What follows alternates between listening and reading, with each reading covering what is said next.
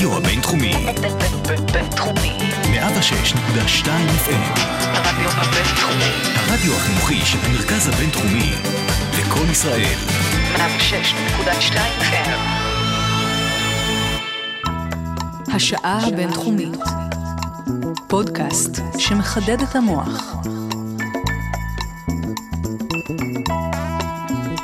שלום וברכה לכל המאזינות והמאזינים. אה, היום אנחנו בשעה בינתחומית אה, מיוחדת עם אה, אולפן עמוס באורחים, לשמחתי הרבה. ולפני שאני אציג אותם, אני אציג ככה אה, בקצרה. אה, את הנושא. אה, אז קודם כל אני ציקי ישי, אה, אם לא ציינתי את זה, ובשעה הקרובה אנחנו ניתן הצצה אה, לחיים בעיר המסקרנת אה, מומביי, אה, מומביי. שהיא אחת אה, הערים הגדולות בעולם, אוכלוסייתה מונה קרוב ל-20 מיליון בני אדם וחיים בה הכמות הגדולה ביותר בהודו של אה, מיליונרים ומיליארדרים לצד אה, רבבות שחיים אה, בסלאמס. ודרך העיר הזו אנו נבחן סוגיות כמו דיור, תחבורה, זיהום אוויר, תכנון עירוני ושלל דברים שככה משתקפים דרך העיר הזאת. ובשביל כל הסוגיה הזו, אני שמח להגיד שלום לשלושה אורחים שממש זה עתה שבו מסיור בעיר המרתקת הזו. אה, אז קודם כל שלום לדוקטור נתי מרום, מרצה בית הספר אה, לקיימות, כאן במרכז הבינתחומי. אה, תמר עקוב, מעצבת מוצר, חוקרת, מרצה ותושבת ממומביי עד לפני מספר חודשים. והמה פסוואני, פסואני. פסואני, אה, בוגרת קיימות וממשל ועובדת במכון אבא אבן לדיפלומטיה בינלאומית. אז תודה רבה לשלושתכם שבאתם, קודם כל. אה, אז בואו אולי תספרו לי ככה, את, אה, תמר, את גרת במומביי, אה, לשניכם זה הייתה, נתי ואמה, זה היה הפעם הראשונה שלכם בעיר?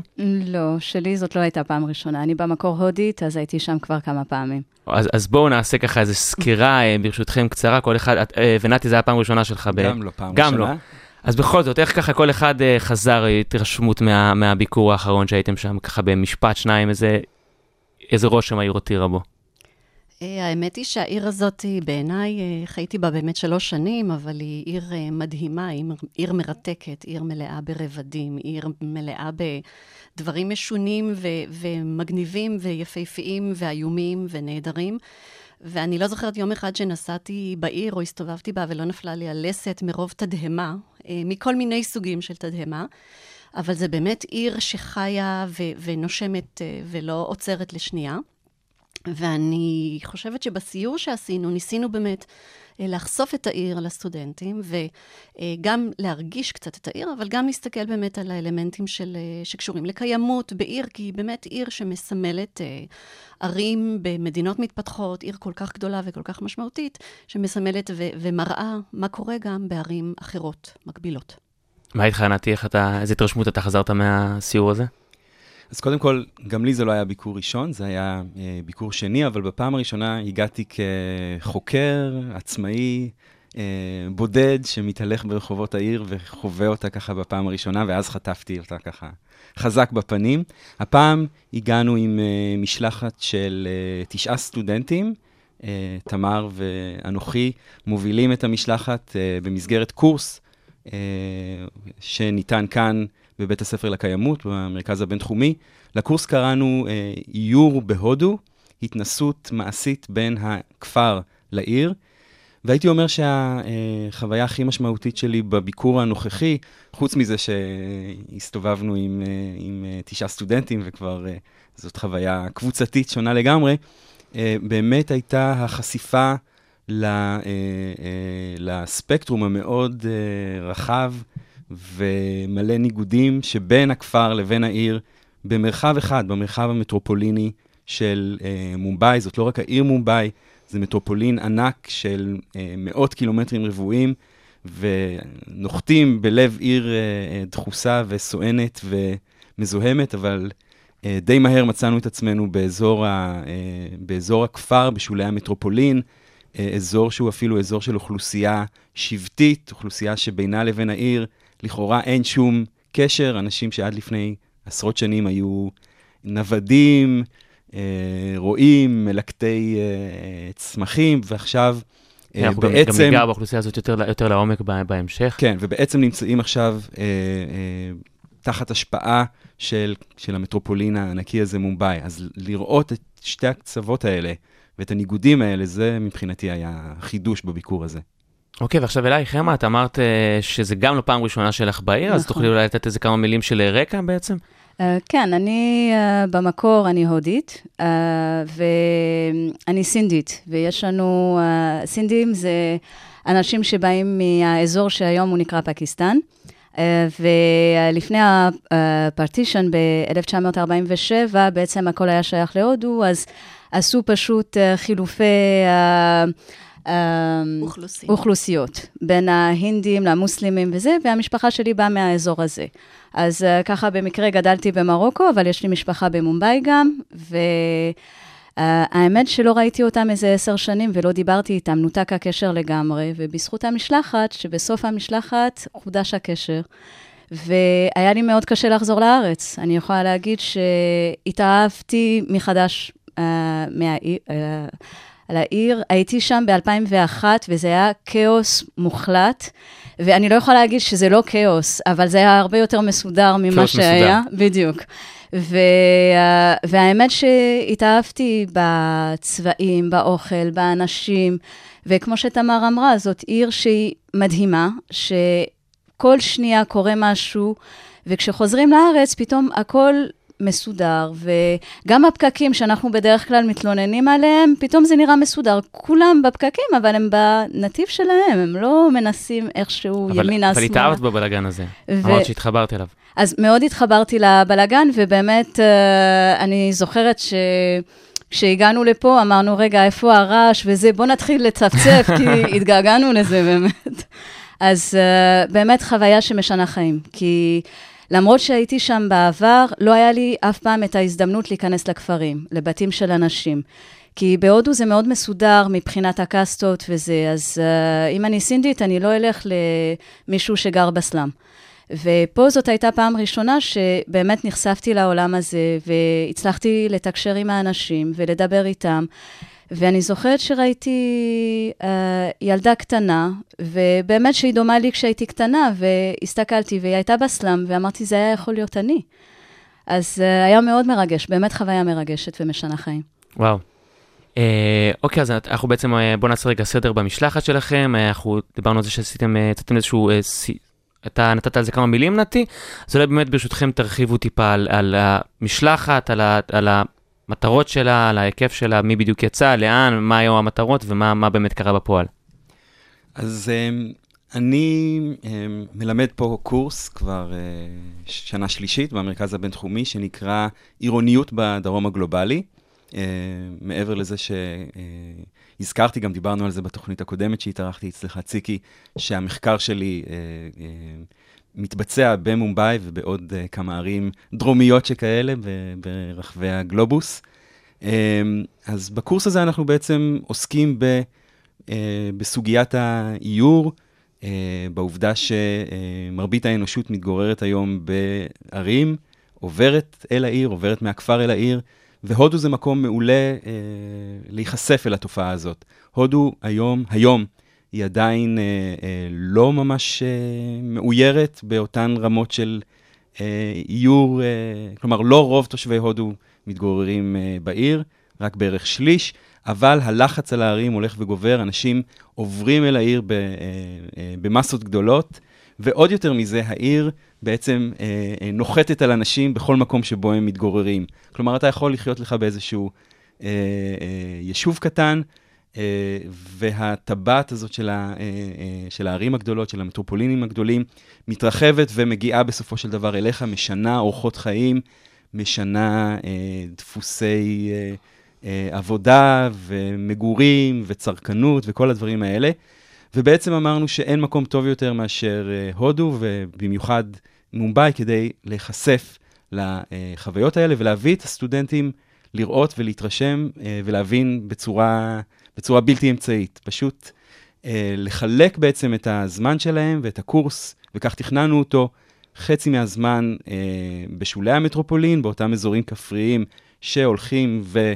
חווים תהליכי אורבניזציה, וחלק אה, אה, שני, בלב העיר, ולהבין גם אה, את הקשרים בין שני הצדדים האלה, להבין אה, איך העיר משפיעה על אזורי הכפר, להבין מה קורה לאנשים שעוברים אה, לחיות בלב העיר ומוצאים את עצמם בסלאם, במשכנות עוני אה, דחוסים, צפופים, כמו למשל אה, שכונת דהרבי ב- בלב ליבה של מומבאי שביקרנו בה.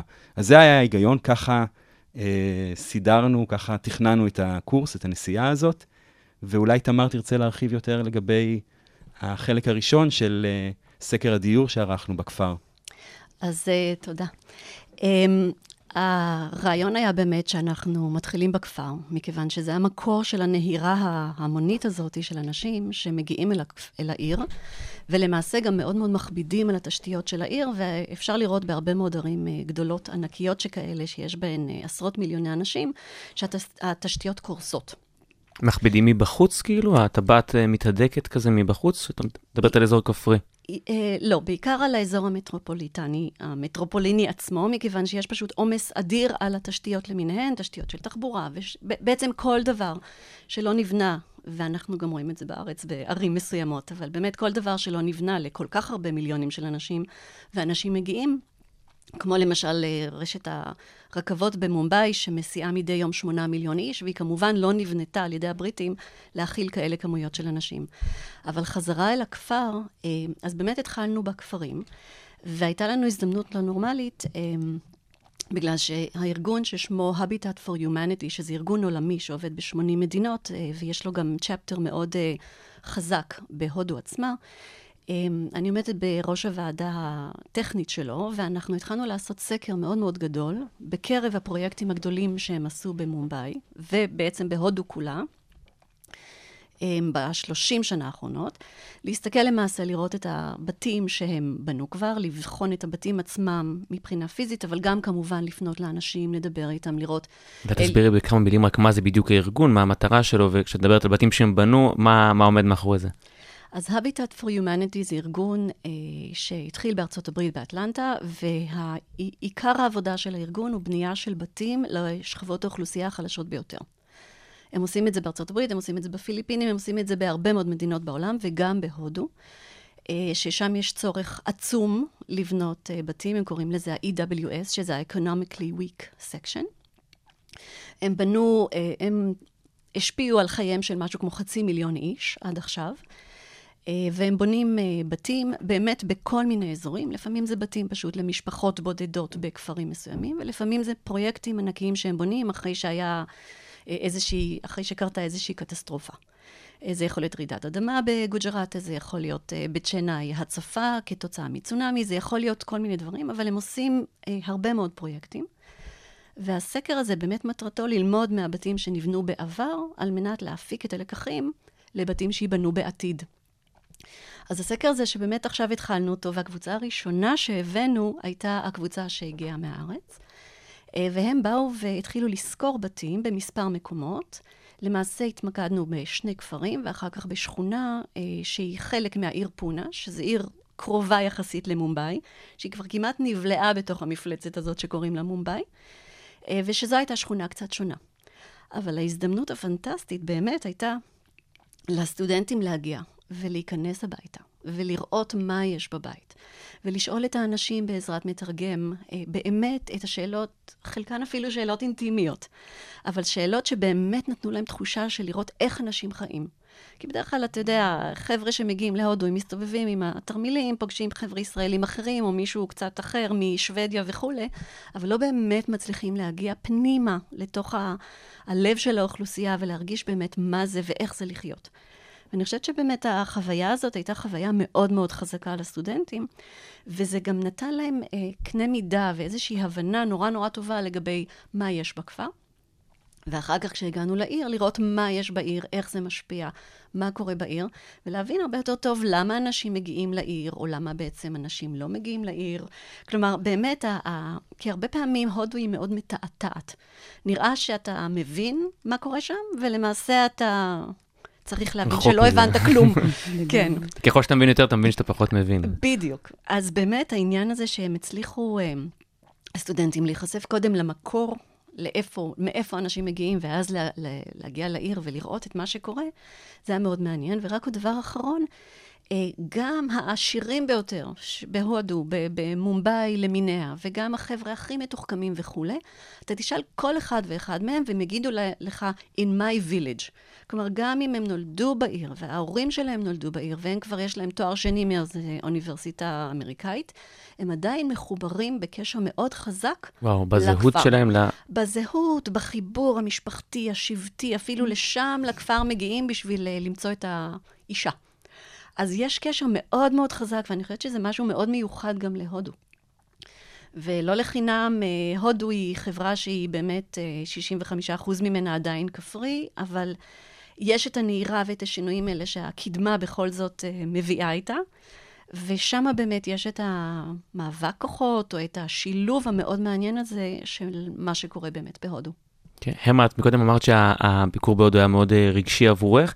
נכון. תיארת אה, שראית איזה ילדה מהסלאמס ואמרת שיכול, הרגשת שיכולת יכולת להיות במקומה. אה, אז אולי באמת ספרי לנו, כשנכנסתם לבתים בסקר הזה שעכשיו תמר אה, סיפרה עליו, מה בדיוק בדקתם? אה, אמרה שאפילו הגעתם לשיחות אפילו אינטימיות, אז מה, בדיוק בדקתם ומה מה המהלך שם? אז uh, בסקר היה, היה לנו אפליקציה בטלפון, מאוד מסודרת, עם השאלות שאנחנו צריכים לשאול ומה אנחנו צריכים לעשות. היינו צריכים גם למדוד את הבתים וזה זה מבחינה טכנית. אבל מה שעשינו זה שלא שאלנו את השאלות בצורה טכנית, אלא ממש ניהלנו שיחה עם המשפחה. אז uh, זה התחיל למשל במשפחה הראשונה, uh, משפחה עם uh, הרבה ילדים ושבע בנות ושני בנים. ובהודו כמובן אה, שתמיד מחכים לבן, כי הוא זה שממשיך, כי הבנות הולכות לגור עם המשפחה של הבעל. וראינו, מה שהפתיע אותי זה שיחסית, המצב שלהם היה בסדר. כשאני אומרת יחסית, זה אומר שהיה להם חשמל ושירותים קרוב, אבל uh, הבנו שזה בגלל שהם משקיעים בחינוך. שהם הבינו שאם הם שולחים את הבנות שלהן uh, ללמוד, אז אחת מהן היא uh, נהייתה שוטרת. אז עכשיו היא שולחת את הכסף חזרה למשפחה. היא עברה למומבאי, לעיר עצמה, עובדת בתור שוטרת, יש לה משכורת ממש מכובדת, אז היא שולחת כסף. ואז אתה רואה גם שבבתים רואים שהבית נראה אחרת. זה אומר שאולי יש להם מיטה, או קצת יותר מהבית, למשל, שראינו ליד, שגם שם היו להם הרבה בנות. אבל הם לא שלחו את הבנות ל- ללמוד, והבנות הן uh, נשארות בבית ועוזרות והולכות להביא את המים, הן הולכות... Uh, אמרו לנו שבע פעמים ביום uh, להביא מים, וזה הליכה של ארבע קילומטרים. וואו. אז uh, פשוט חשבנו על, וואו, זה מצד אחד, וזה בתים שנמצאים אחד ליד השני. אז... אה, ששניהם גם של אותו פרויקט בעצם, נכון? של אותו פרויקט, בדיוק. ואז הבנו, שדיברנו על, uh, עם המשפחה השנייה, שבשביל 300 רופי, שזה בערך 15 שקל, הם לא יכולים להרשות לעצמם uh, חשמל. אז הבנו שלבנות בתים זה...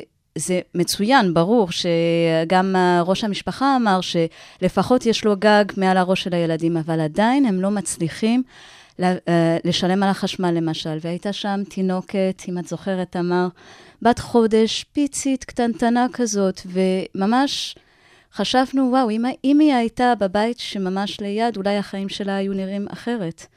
אז uh, זה נתן לנו, זה באמת החזיר אותנו לפרופורציות. בגלל זה כשאמרתי, המצב שלהם היה יותר טוב, גם כשהגענו לסלאם בפונה, אז אמרנו, וואלה, הבתים שלהם פה הם הרבה יותר טובים. אבל זה הכל בפרופורציות, אז זה ממש החזיר אותנו מהרצליה ללקחת את זה בפרופורציות של הודו, אבל קודם כל להשוות עם הכפר וזה, וזה היה מאוד מאוד מאוד מרגש.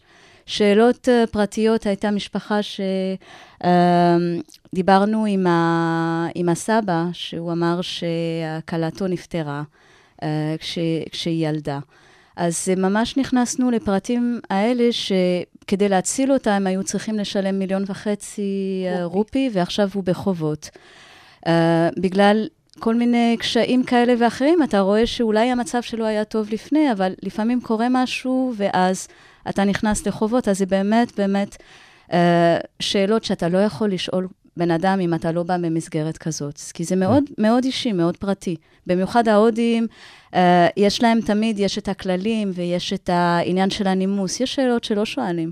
ופה אנחנו, בזכות הארגון ובזכות זה שתמר ארגנה את זה, ושיכולנו להיכנס וכן לשאול את השאלות האלה, שזה היה במסגרת מקצועית, אבל נכנסנו ממש... אז זה אפשר לאיזשהו מרחב של. אינטימיות כזאת. בדיוק. אנחנו גם אה, מיד אחרי השיר הראשון, אנחנו באמת ניגע במסקנות של הסקר ואיזשהו אולי אה, תוכניות לעתיד. השיר הראשון, אה, הוא, אתה בחרת אותו, נתי? רוצה כן. להציג אותו? כן, אני בחרתי, הוא נקרא אה, बॉम्बे मेरी जान, אה, אני לא דובר הינדית, אבל אה, בדקתי, לאווירה. שהפרשנו- ה- הפירוש של השם הוא בומביי, אה, החיים שלי, אה, וזה שיר משנות החמישים, אני חושב שזה שיר, אה, כמובן מסרט בוליוודי, אה, מותחן, שנקרא CID. אה, אה, זה שיר שמציג בומביי אה, תמימה הרבה יותר, בומביי בתחילת תהליך העיור הגדול. באיזה שנה אמרנו? אה, אמצע שנות החמישים, אה, בסך הכל בומביי של פחות מעשר שנים אחרי ש... ואתה אומר את השם שונה, אולי תיתן לזה מילה גם? כן. עשר שנים אחרי שהבריטים עוזבים את העיר, אז, אז זאת עיר אה, קולוניאלית, עיר עם מבנים מהודרים, מפוארים, שהבריטים בנו, ורכבות רכבות רחוב, טראמס, וכל האלמנטים של העיר המודרנית. היא, אפשר לומר, היהלום הנוצץ אה, של הודו באותם שנים, ומתחילה למשוך אליה המון המון אנשים אה, מהכפר, מאזורים אה, רחוקים, ממדינות שנמצאות אה, אה, מרחק של אלפי קילומטרים, ממדינות בתוך הודו, אני מתכוון, אלפי קילומטרים מהעיר בומביי. בומביי זה השיר, השם ה, אה, הקולוניאלי של העיר, זה מתחיל בכלל בפורטוגלים שמגיעים לשם וקוראים לה בומבאיה, המפרץ היפה, וזה איזשהו שיבוש של השם המקורי בשפה המקומית ש, שנקראת מראטי. אה, אז אה, לכל אורך ה- השנים שהבריטים שולטים, וגם עד אמצע שנות ה-90 פחות או יותר, העיר נקראת בומביי, אבל אה, בשנות ה-90, אה, עם ככה התחזקות של אה, רגשות אה, אה, לאומיים, אה, מקומיים, אה, לוקל פטריוטיים, עולה לשלטון מפלגה הרבה יותר אה, אה, לאומית, אפשר לומר, והיא מכריזה על שינוי רשמי של השם מבומביי למומביי, השם המקורי, ולכן אנשים עוד אה, ככה קצת אה, אה, לפעמים מתבלבלים, או אפילו בוחרים מבחינה אידיאולוגית, אם הם רוצים לקרוא לעיר בומביי, או לקרוא לה מומביי. אז בואו נשמע את השיר בומביי מרי ג'אן. दिल है मुश्किल जीना यहाँ। जरा हट के जरा बच के ये है बम्बे मेरी जान। हा हा हा, हो हो हो, ही, हा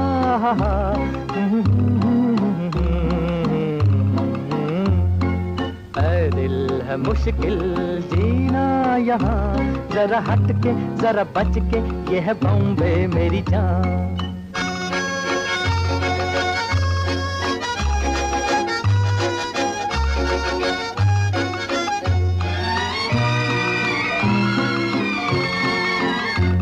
कहीं बिल्डिंग कहीं ट्राम में, कहीं मोटर कहीं मिल मिलता है यहाँ सब कुछ, एक मिलता नहीं दिल। कहीं बिल्डिंग कहीं ट्राम में, कहीं मोटर कहीं मिल मिलता है यहाँ सब कुछ, एक मिलता नहीं दिल। इंसान का नहीं, कहीं नाम निशान। जरा हट के जरा बच के यह बॉम्बे मेरी जान। मुश्किल जीना यहाँ। जरा हट के जरा बच के ये है बॉम्बे मेरी जान।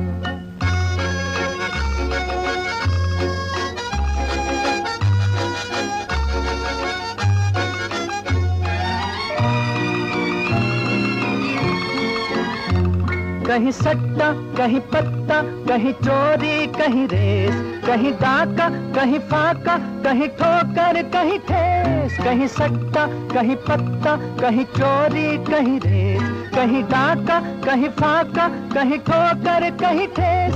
बेकार के है कई काम यहाँ। जरा हट के जरा बच के ये है बम्बे मेरी जान। ऐ दिल है मुश्किल जीना यहाँ। जरा हट के जरा बच के ये है बम्बे मेरी जान।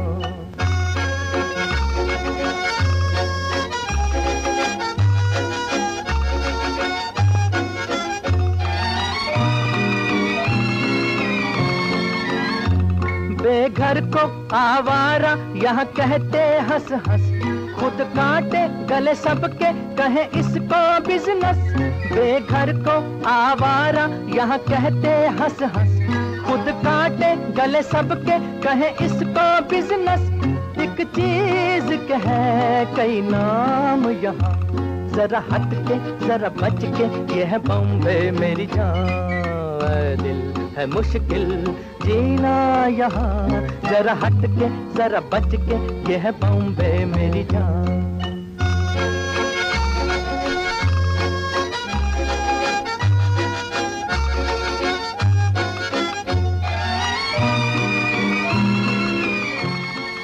אה, לפני השיר אמה סיפרה ככה במעט חוויות מהסלאמס ונתי אתה רוצה לתת גם את הפרספקטיבה שלך לחוויה הזו? כן, חוויות מהכפר, אני חושב, אבל... מהכפר, אה, כן, סליחה, אני הס- אני הסיפור- מתבלבל לי פה. ה- אין בעיה. הסיפור של המה מדגים נהדר את ה... את ה... הייתי אומר, המשמעות הפדגוגית של הקורס שלנו, כי זה דבר אחד לדבר על נושאים כמו אי שוויון בין העיר לבין אזורי הכפר, אזורים בפריפריה המטרופולינית, אה, או אי שוויון אפילו אה, בתוך, אה, בתוך המבנה המעמדי של הודו, וזה דבר אחר לגמרי לח- לחוות את זה בצורה כל כך ישירה וצורה אישית. והייתי אומר ששתי המשפחות האלה שהמה אה, דיברה עליהן, מדגימות מאוד יפה באמת את הנושא הזה של, אה, מאוד יפה ומאוד כואב, שובר את הלב אפילו, את הנושא הזה של אי שוויון שכרוך בתהליכים האלה של אורבניזציה. אז מצד אחד יש לנו באמת משפחה אחת, שבבית שלה אנחנו רואים את התמונה של הבת השוטרת שנוסעת, אה, אה, שעברה לה, אה, לעבוד בעיר הגדולה, ושולחת באמת אה, מדי חודש אה, אה, חלק מהמשכורת, ומאפשרת למשפחה שלה להתקיים בצורה מאוד מאוד אה, אה, מכובדת. אה, ומצד שני, ממש השכנים שלהם, מעבר לסמטה, אה, אה, וזאת באמת חוויה שקשה לי אה, אה, לשכוח ביום הראשון שלנו, לראות את התינוקת הפצפונת הזאת, שללא ספק אה, נולדה אה, אה, מוקדם מדי וסובלת מתת-תזונה, אה, ולא יכולתי שלא לשאול את עצמי, אה, האם, האם היא תשרוד, האם, אה, האם היא תמשיך ותחיה, ואתה חושב שהיא נמצאת באמת לא בג'ונגלים ולא באיזה אזור נידח, אלא היא נמצאת שעתיים מלב ליבה של העיר מומבאי עם, ה, אה, עם בתי החולים המתקדמים בעולם. בכל מקום בעיר אני ראיתי אה, שלטי פרסומת לטיפולים מתקדמים לחולי סרטן וכל מיני מיטב הטכנולוגיה הרפואית, וכאמור, שעתיים משם אה, עדיין אה, אה, תמונה כזאת של, אה, של מה שפעם קראנו עולם שלישי, וכן, ותינוקת קטנה כזאת שאנחנו יכולים רק אה, להתפלל ש, אה, שתחיה ותשרוד.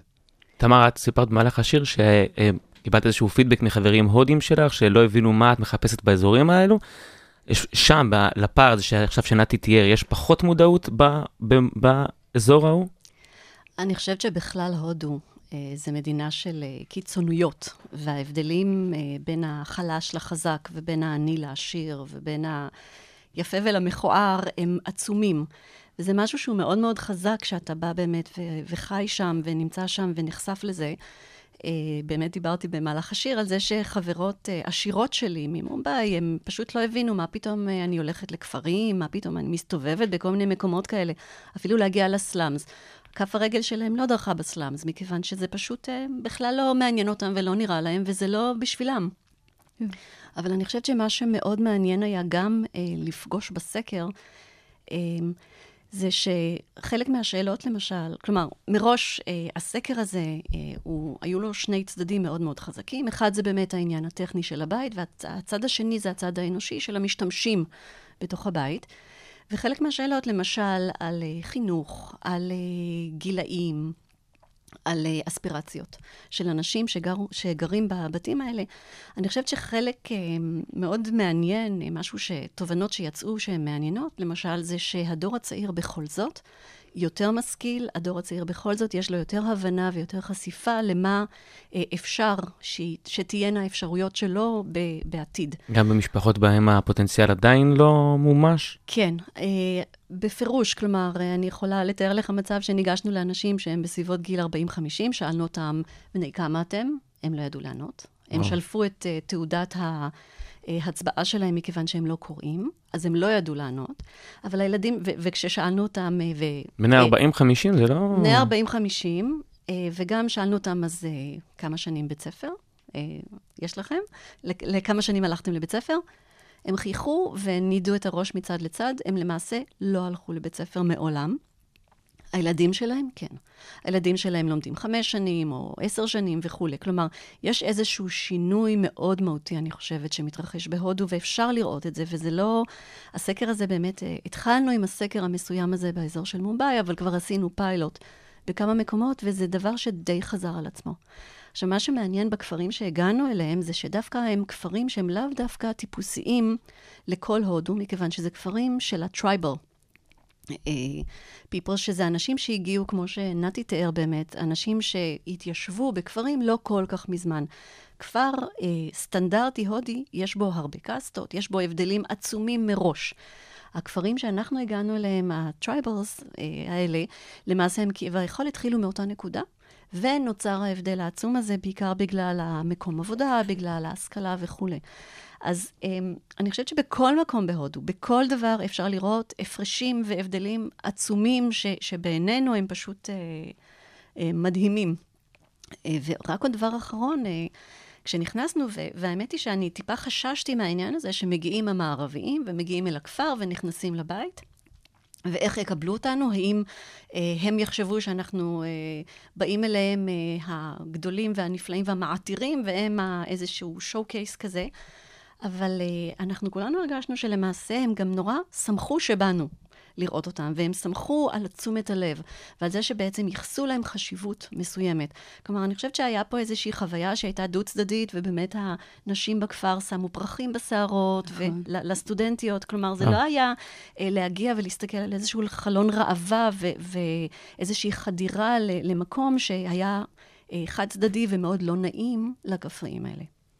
והמה, בשבוע השני, אתם אה, עברתם בעצם אה, לעיר, נכון? נכון. ומה, אולי תיקח את טעימה, מה, מה, מה היו החוויות שם, מה התחלתם לעבור שם? אז uh, עשינו הרבה דברים בעיר, אבל הדבר הראשון, היינו בסלאם אה, דראבי, שהוא סלאם מפורסם בגלל שהוא היה בסרט אה, נער החידות ממומבאי.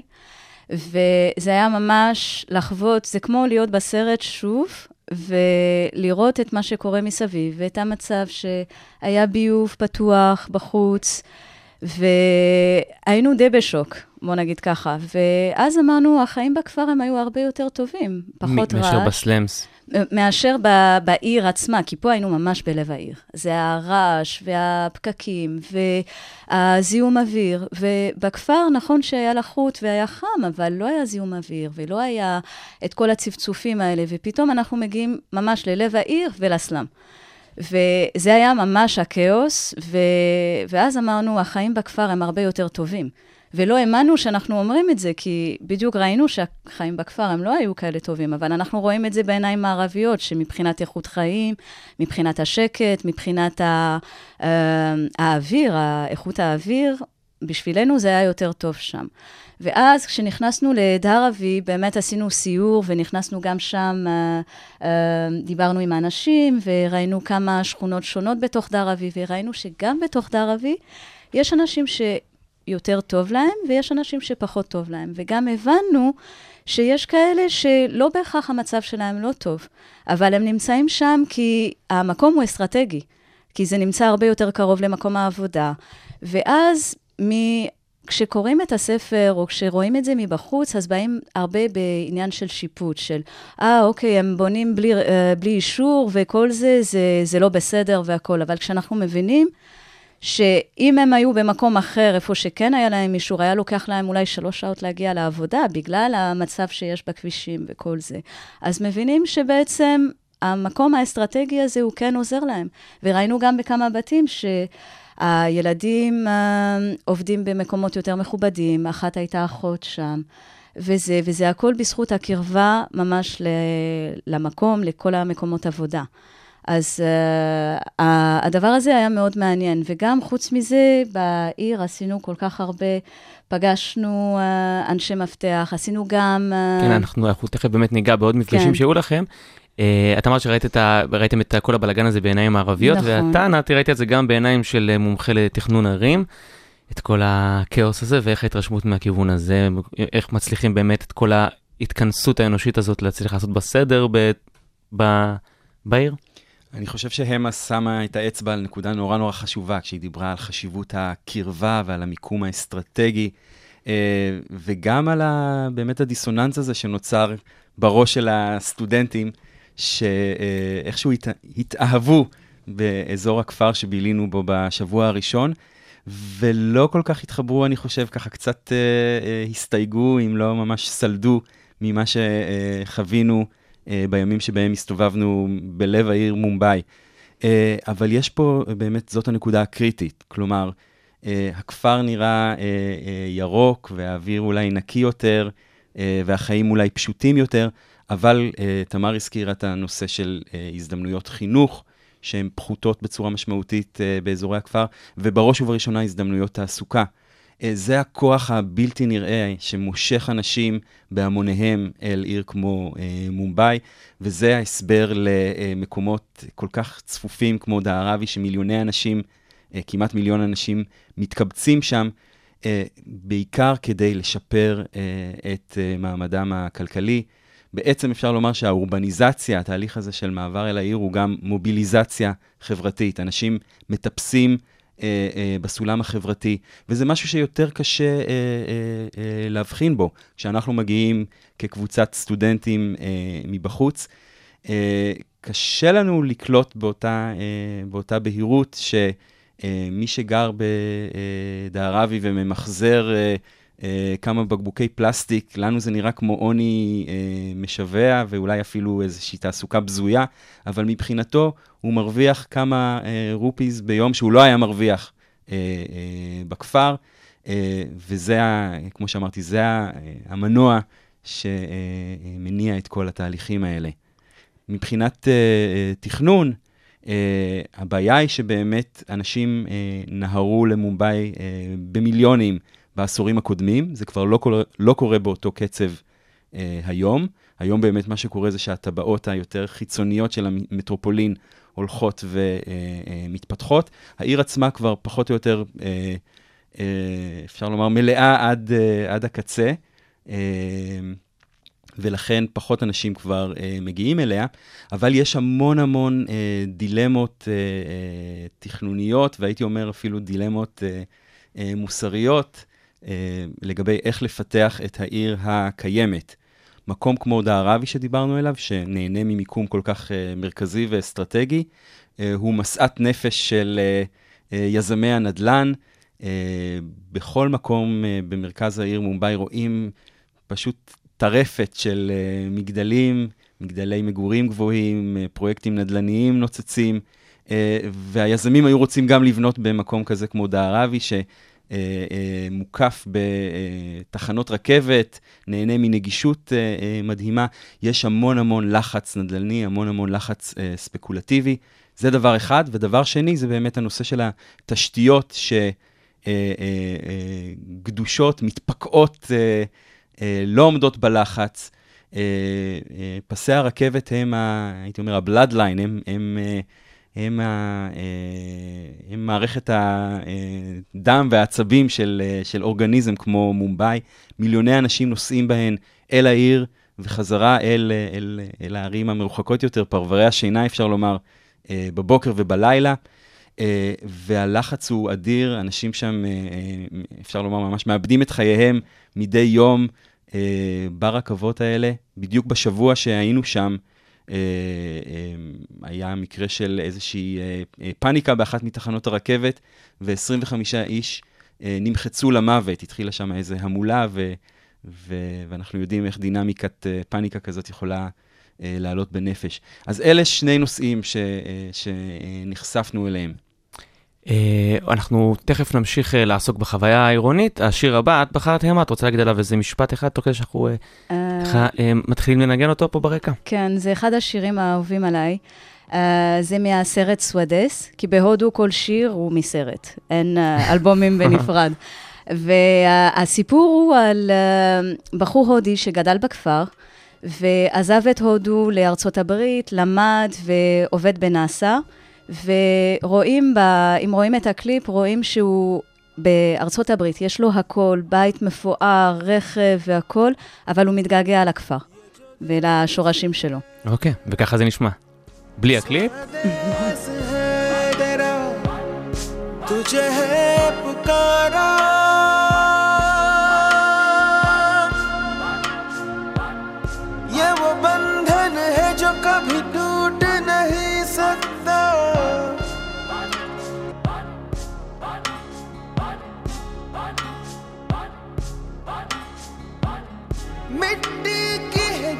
खुशबू। तू कैसे भुलाएगा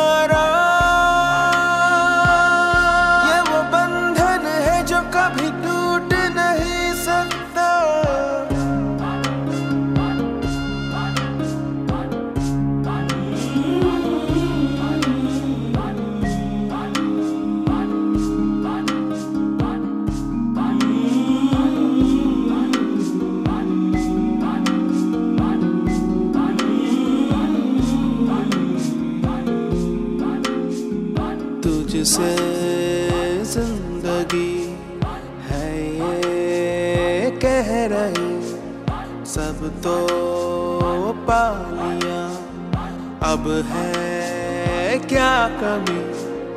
यूँ तो सारे सुख है बर से पर दूर तू है अपने घर से। आ लौट चल तू अब दीवाने, जहाँ कोई तो तुझे अपना माने।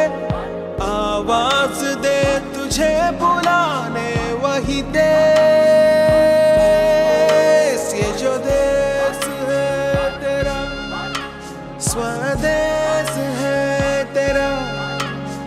मुझे है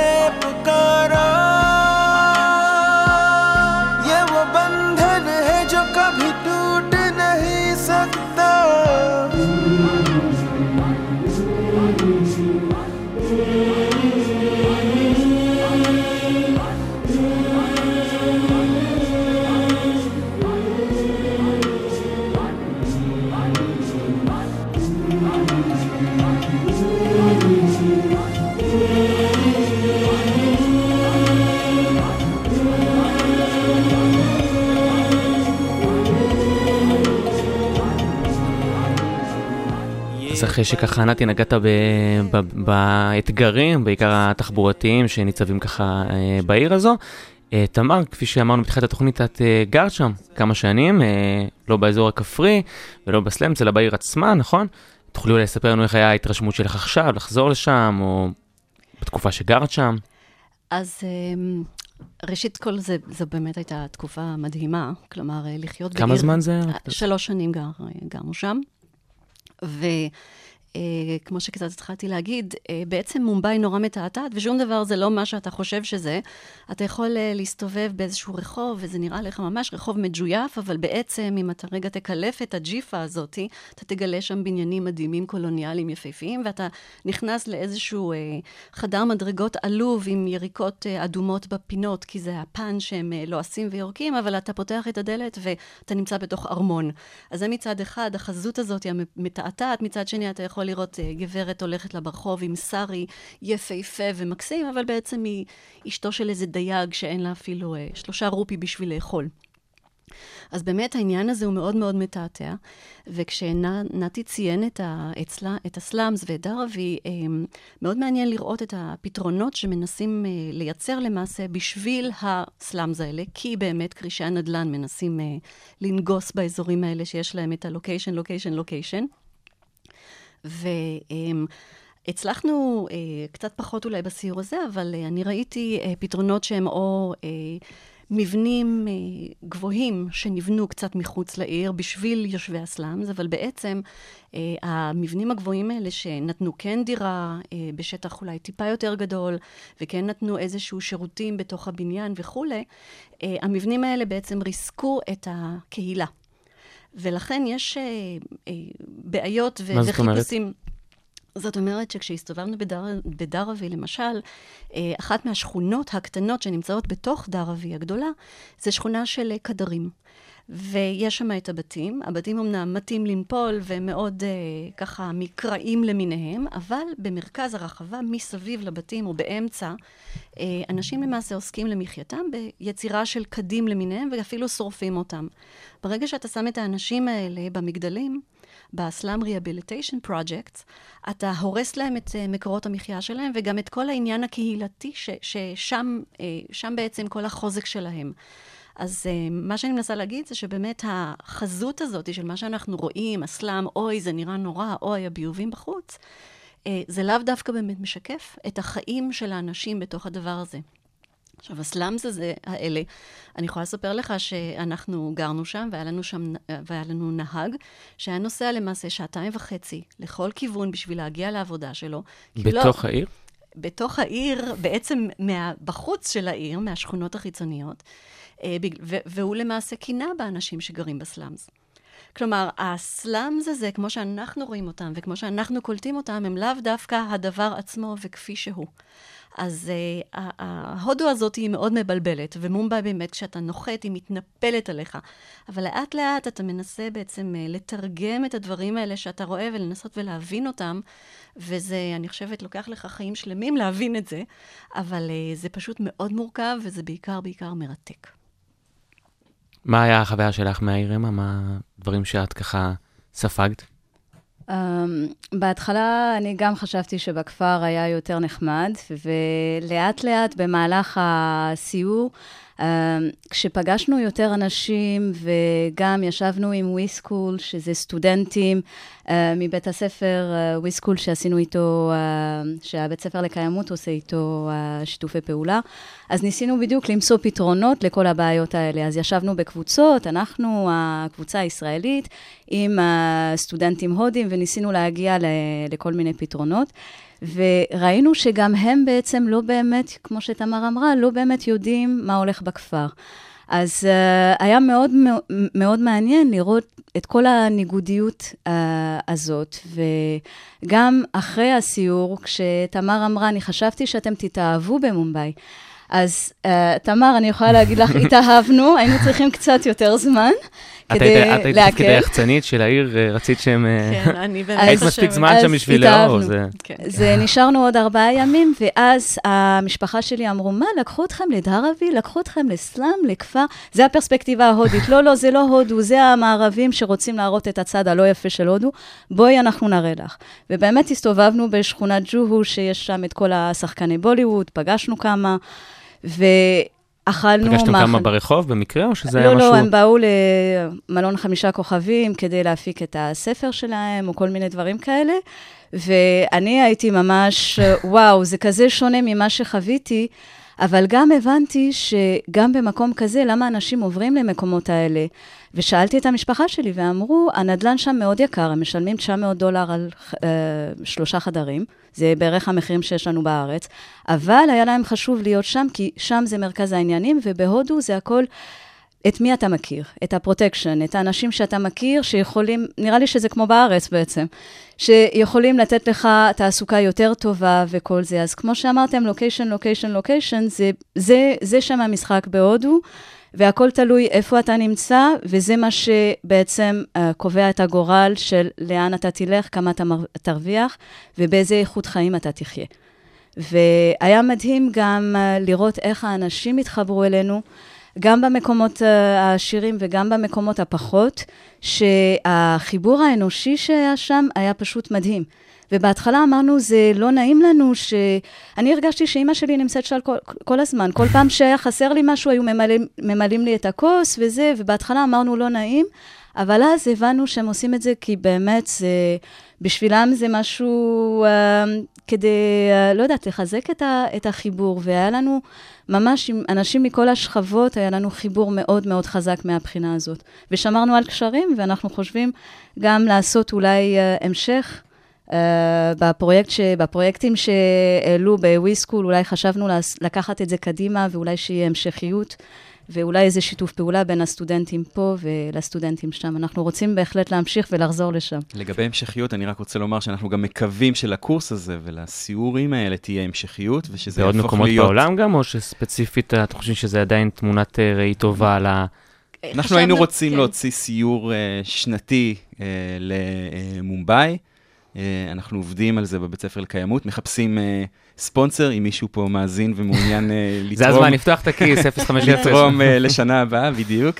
אבל גם נשמח uh, להוציא סיורים למקומות אחרים בעולם. מזרח אפריקה קצת על הכוונת שלנו, אבל גם נרצה לחזור למומבאי בוודאי. נשמע קול, אני קצת מתחרט שלמדתי פה תקשורת ולא איזה... בוא תעשה עוד תואר. אתה בוא איתנו. עכשיו, נתי, בהכנה לתוכנית אתה נתת לי עוד ככה כמה מילים על היחס בין הטבע לעיר. במרחב הזה, שלפחות באינטואיציה שלי, במקום כזה, שכזה צפיפות וזה, אין בכלל חשיבה על זה.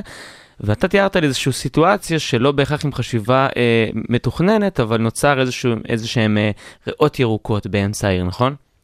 אה, כן, הנושא של טבע עירוני הוא נושא חשוב שנחשפנו אליו. אה, ביקרנו, אה, ב... אה, ביקרנו אצל חברה מאוד גדולה בהודו שנקראת גודרג', אחת החברות הגדולות ביותר, וראינו שם סיפור מדהים, שטחי מנגרובים, מנגרובס, שאלה בעצם, זאת בעצם צמחייה, עצים שצומחים במים מלוכים. כל החורשות האלה הן בעצם בבעלות פרטית של אותה חברת גודרג'. אה, והם משמרים אותם אה, כפיקדון אה, לדורות. ואפשר לומר שהמנגרובים האלה הם בעצם קו ההגנה הכי משמעותי שיש לעיר כמו מומבאי, אל מול תופעה כמו שינוי אקלים, כן, אני מדבר בסיסמאות גדולות, אבל הצמחייה הזאת, האזורים הירוקים האלה בשולי, בשולי העיר, הם אלה שמונעים בעצם משיטפונות, להציף את העיר אה, כל פעם שעונת המונסונים מגיעה. למה? מה? איך זה בדיוק עובד? זה בעצם מאפשר למים לזרום מהעיר ולהתפזר במפרץ או באוקיינוס, וגם הפוך, לאורך העשורים הבאים, כשאנחנו חוזים שמפלס המים, מפלס הים, ילך ויעלה כתוצאה משינוי אקלים, זה בעצם קו ההגנה האחרון של מומבאי. אז אין לנו המון זמן לדבר על זה, אבל היה מרתק לראות איך חברה פרטית בעצם יכולה לעשות מה שנקרא stewardship, environmental stewardship, לקחת תחת חסותה נושא סביבתי כל כך חשוב. Uh, לא uh, לפתוח את השטחים האלה לאותם uh, יזמי נדל"ן, נדל"ן, בדיוק, ולפתח שם אה, אה, פרויקטים יוקרתיים, למרות שהם היו יכולים, הקרקעות האלה שוות מיליארדים בגלל שהם מעל קו המים, אלא לשמר אותם כשמורת טבע אה, ייחודית שנותנת באמת שירותי סביבה קריטיים לעיר כמו מומבאי. וזה באמת, כן. אני רק אוסיף שמהצד השני, ראשית כל, למשל, כשאנחנו היינו במומבאי, המונסון המשיך חודש מעל המצופה. וזה באמת חלק משינויי האקלים. בזמן שהייתם שם, היה... כן, בזמן שהיינו שם חשבנו שכבר לא ירד גשם, ואופס, ירד עלינו גשם. אה, אבל אה, החלק שגודרג' באמת משמרת של המנגרובים, זה חלק מאוד מאוד חשוב. אבל הצד השני של העיר, למעשה, כן הרסו מנגרובים. וכן יש הצפות, ושבועיים שלושה לפני שאנחנו הגענו, יש הצפות מאוד מאוד משמעותיות. אז אכן זה לא קורה כל שנה. אבל הטבע העירוני הזה הוא סופר חשוב. כלומר, הוא באמת מאפשר לעיר, או למעשה ההיעלמות שלו לא מאפשרת לעיר אה, לצאת מהמצב הזה של הצפות, כי בעצם מומבאי הייתה שבעה איים פעם שחוברו יחד על ידי הבריטים. אז אה, זה המצב הספציפי של אה, מומבאי, אבל אה, לראות את המנגרובים האלה, זה באמת הייתה נכון. חוויה. ואני יכולה לציין שאני אפילו ראיתי ש, אה, אלפי פלמינגו. אה, בעיר? בעיר עצמה. וואלה. הם מדי שנה מגיעים, נחים שם לכמה חודשים, ממש קו החוף נראה בצבע ורוד, וואו. אה, בשמורות המנגרובים האלה, ואחר כך הם מתעופפים. אז זה שוב עוד איזושהי הפתעה שמומבאי מזמנת. וזה באמת אה, תשומת לב, אתה, אתה אמרת שזה תוצאה של חברה פרטית, אז יש גם תשומת לב ממשלתית לנושא? יש כאילו גם אה, הבנה שכחלק מהאיור של האזור צריך איזשהו קו הגנה כזה, כפי שתיארתם? זו בעיה מאוד uh, קשה פוליטית, מכיוון שמצד אחד יש את הידיעה שצריך לשמר, מצד שני כרישי הנדל"ן, uh, יש להם כוח עצום, והפוליטיקאים מעוניינים בעיקרם, ולכן uh, יש כל הזמן נגיסה uh, בטבע הזה שמסביב לעיר, ויש כל הזמן מאבקים סביב הדבר הזה. אה, והם, את רוצה לתת לנו ככה ממש לקראת סיום עוד איזה חוויה? אמרת שהיה לכם עוד הרבה סוגי מפגשים ב- בעיר ועוד אה, ככה אה, הרבה הרצאות מעניינות. את רוצה לתת ככה ממש בכמה מילים איזה משהו אחרון ככה לסיום? Uh, כן, אנחנו uh, פגשנו את uh, ראש עיר uh, טאנה, שזה הסמארט סיטי, אז uh, היה מאוד מעניין זאת לראות... אומרת, זה מחוז כאילו בתוך העיר? זה עיר זאת שמרוחקת. עיר גדולה כן. שנמצאת אוקיי. אה, שלוש מיד. מחוץ למומבאי, אה, והיא אימצה את פרויקט הדיגיטל של אה, עיריית תל אביב, אה, כן, ומנסה לקדם את עצמה כסמארט נכון, סיטי, כמו שהמה נכון, מספרת. ואחד המחקרים שעשיתי במהלך התואר זה היה בדיוק על סמארט סיטיז, והיה מאוד מעניין לראות שבכל מקום היינו למשל ב-ORF, שזה מכון מחקר, וגם uh, פה אצל ראש עיר, לכל אחד יש הגדרה שונה של מה זה סמארט סיטי. אז לפעמים זה יכול להיות ממש בדברים הקטנים, ולפעמים זה באמת ההגדרה שאנחנו מכירים, אבל הרבה פחות. בוא נגיד שאין להם את המרכיב הטכנולוגי, בוא, נגיד ככה, של הסמארט סיטי. העיקר סמארט סיטי זה עיר חכמה, לא בהכרח טכ- טכנולוגית, שמאפשרת לאנשים לחיות טוב יותר. אז זה בעצם מה, ש, מה שחווינו uh, ב- בפגישות האלה. וחוץ מזה, uh, בעקבות למה שתמר אמרה, שירד גשם, שמעתי מכל האנשים שם, בדיוק כמו שאת אמרת, שבדיוואלי, כי היינו כמה ימים לפני החג הגדול של דיוואלי, לא יורד גשם, והם לא עשו את החיבור שזה אולי בגלל שינוי האקלים. האנשים הפשוטים ברחוב. הם אמרו, אנחנו לא יודעים, אולי אלוהים הוא לא מרוצה, אולי יש לו משהו נגדנו. אולי אה. סתם טבע. אז אה, אה, כן. אוקיי, אנחנו נחתום את התוכנית עם שיר שאת בחרת, תמר, רוצה לתת עליו ככה כמה מילים? אה, כן, אה, כמו שהמה ציינה, זה חייב להיות הרי שיר מסרט. אפילו החבר'ה כשהם אה, נוסעים באוטו, החבר'ה שלימדו איתי בקולג', הם תמיד אה, ככה פוצחים באיזה שיר, ותמיד זה מאיזשהו שיר, מאיזשהו מה, אין שם סרט. זמרים עצמאיים, הכל לא, דרך לא. ה... אז זה השירים שהם אוהבים, זה יכול גם ללכת 50 שנה אחורה. Uh, השיר הזה הוא, הוא שיר מאוד קצבי ונורא כיפי כזה, ותמיד רוקדים אותו בחתונות, שחתונות הודיות זה דבר עצום וענק עם אלפי מוזמנים.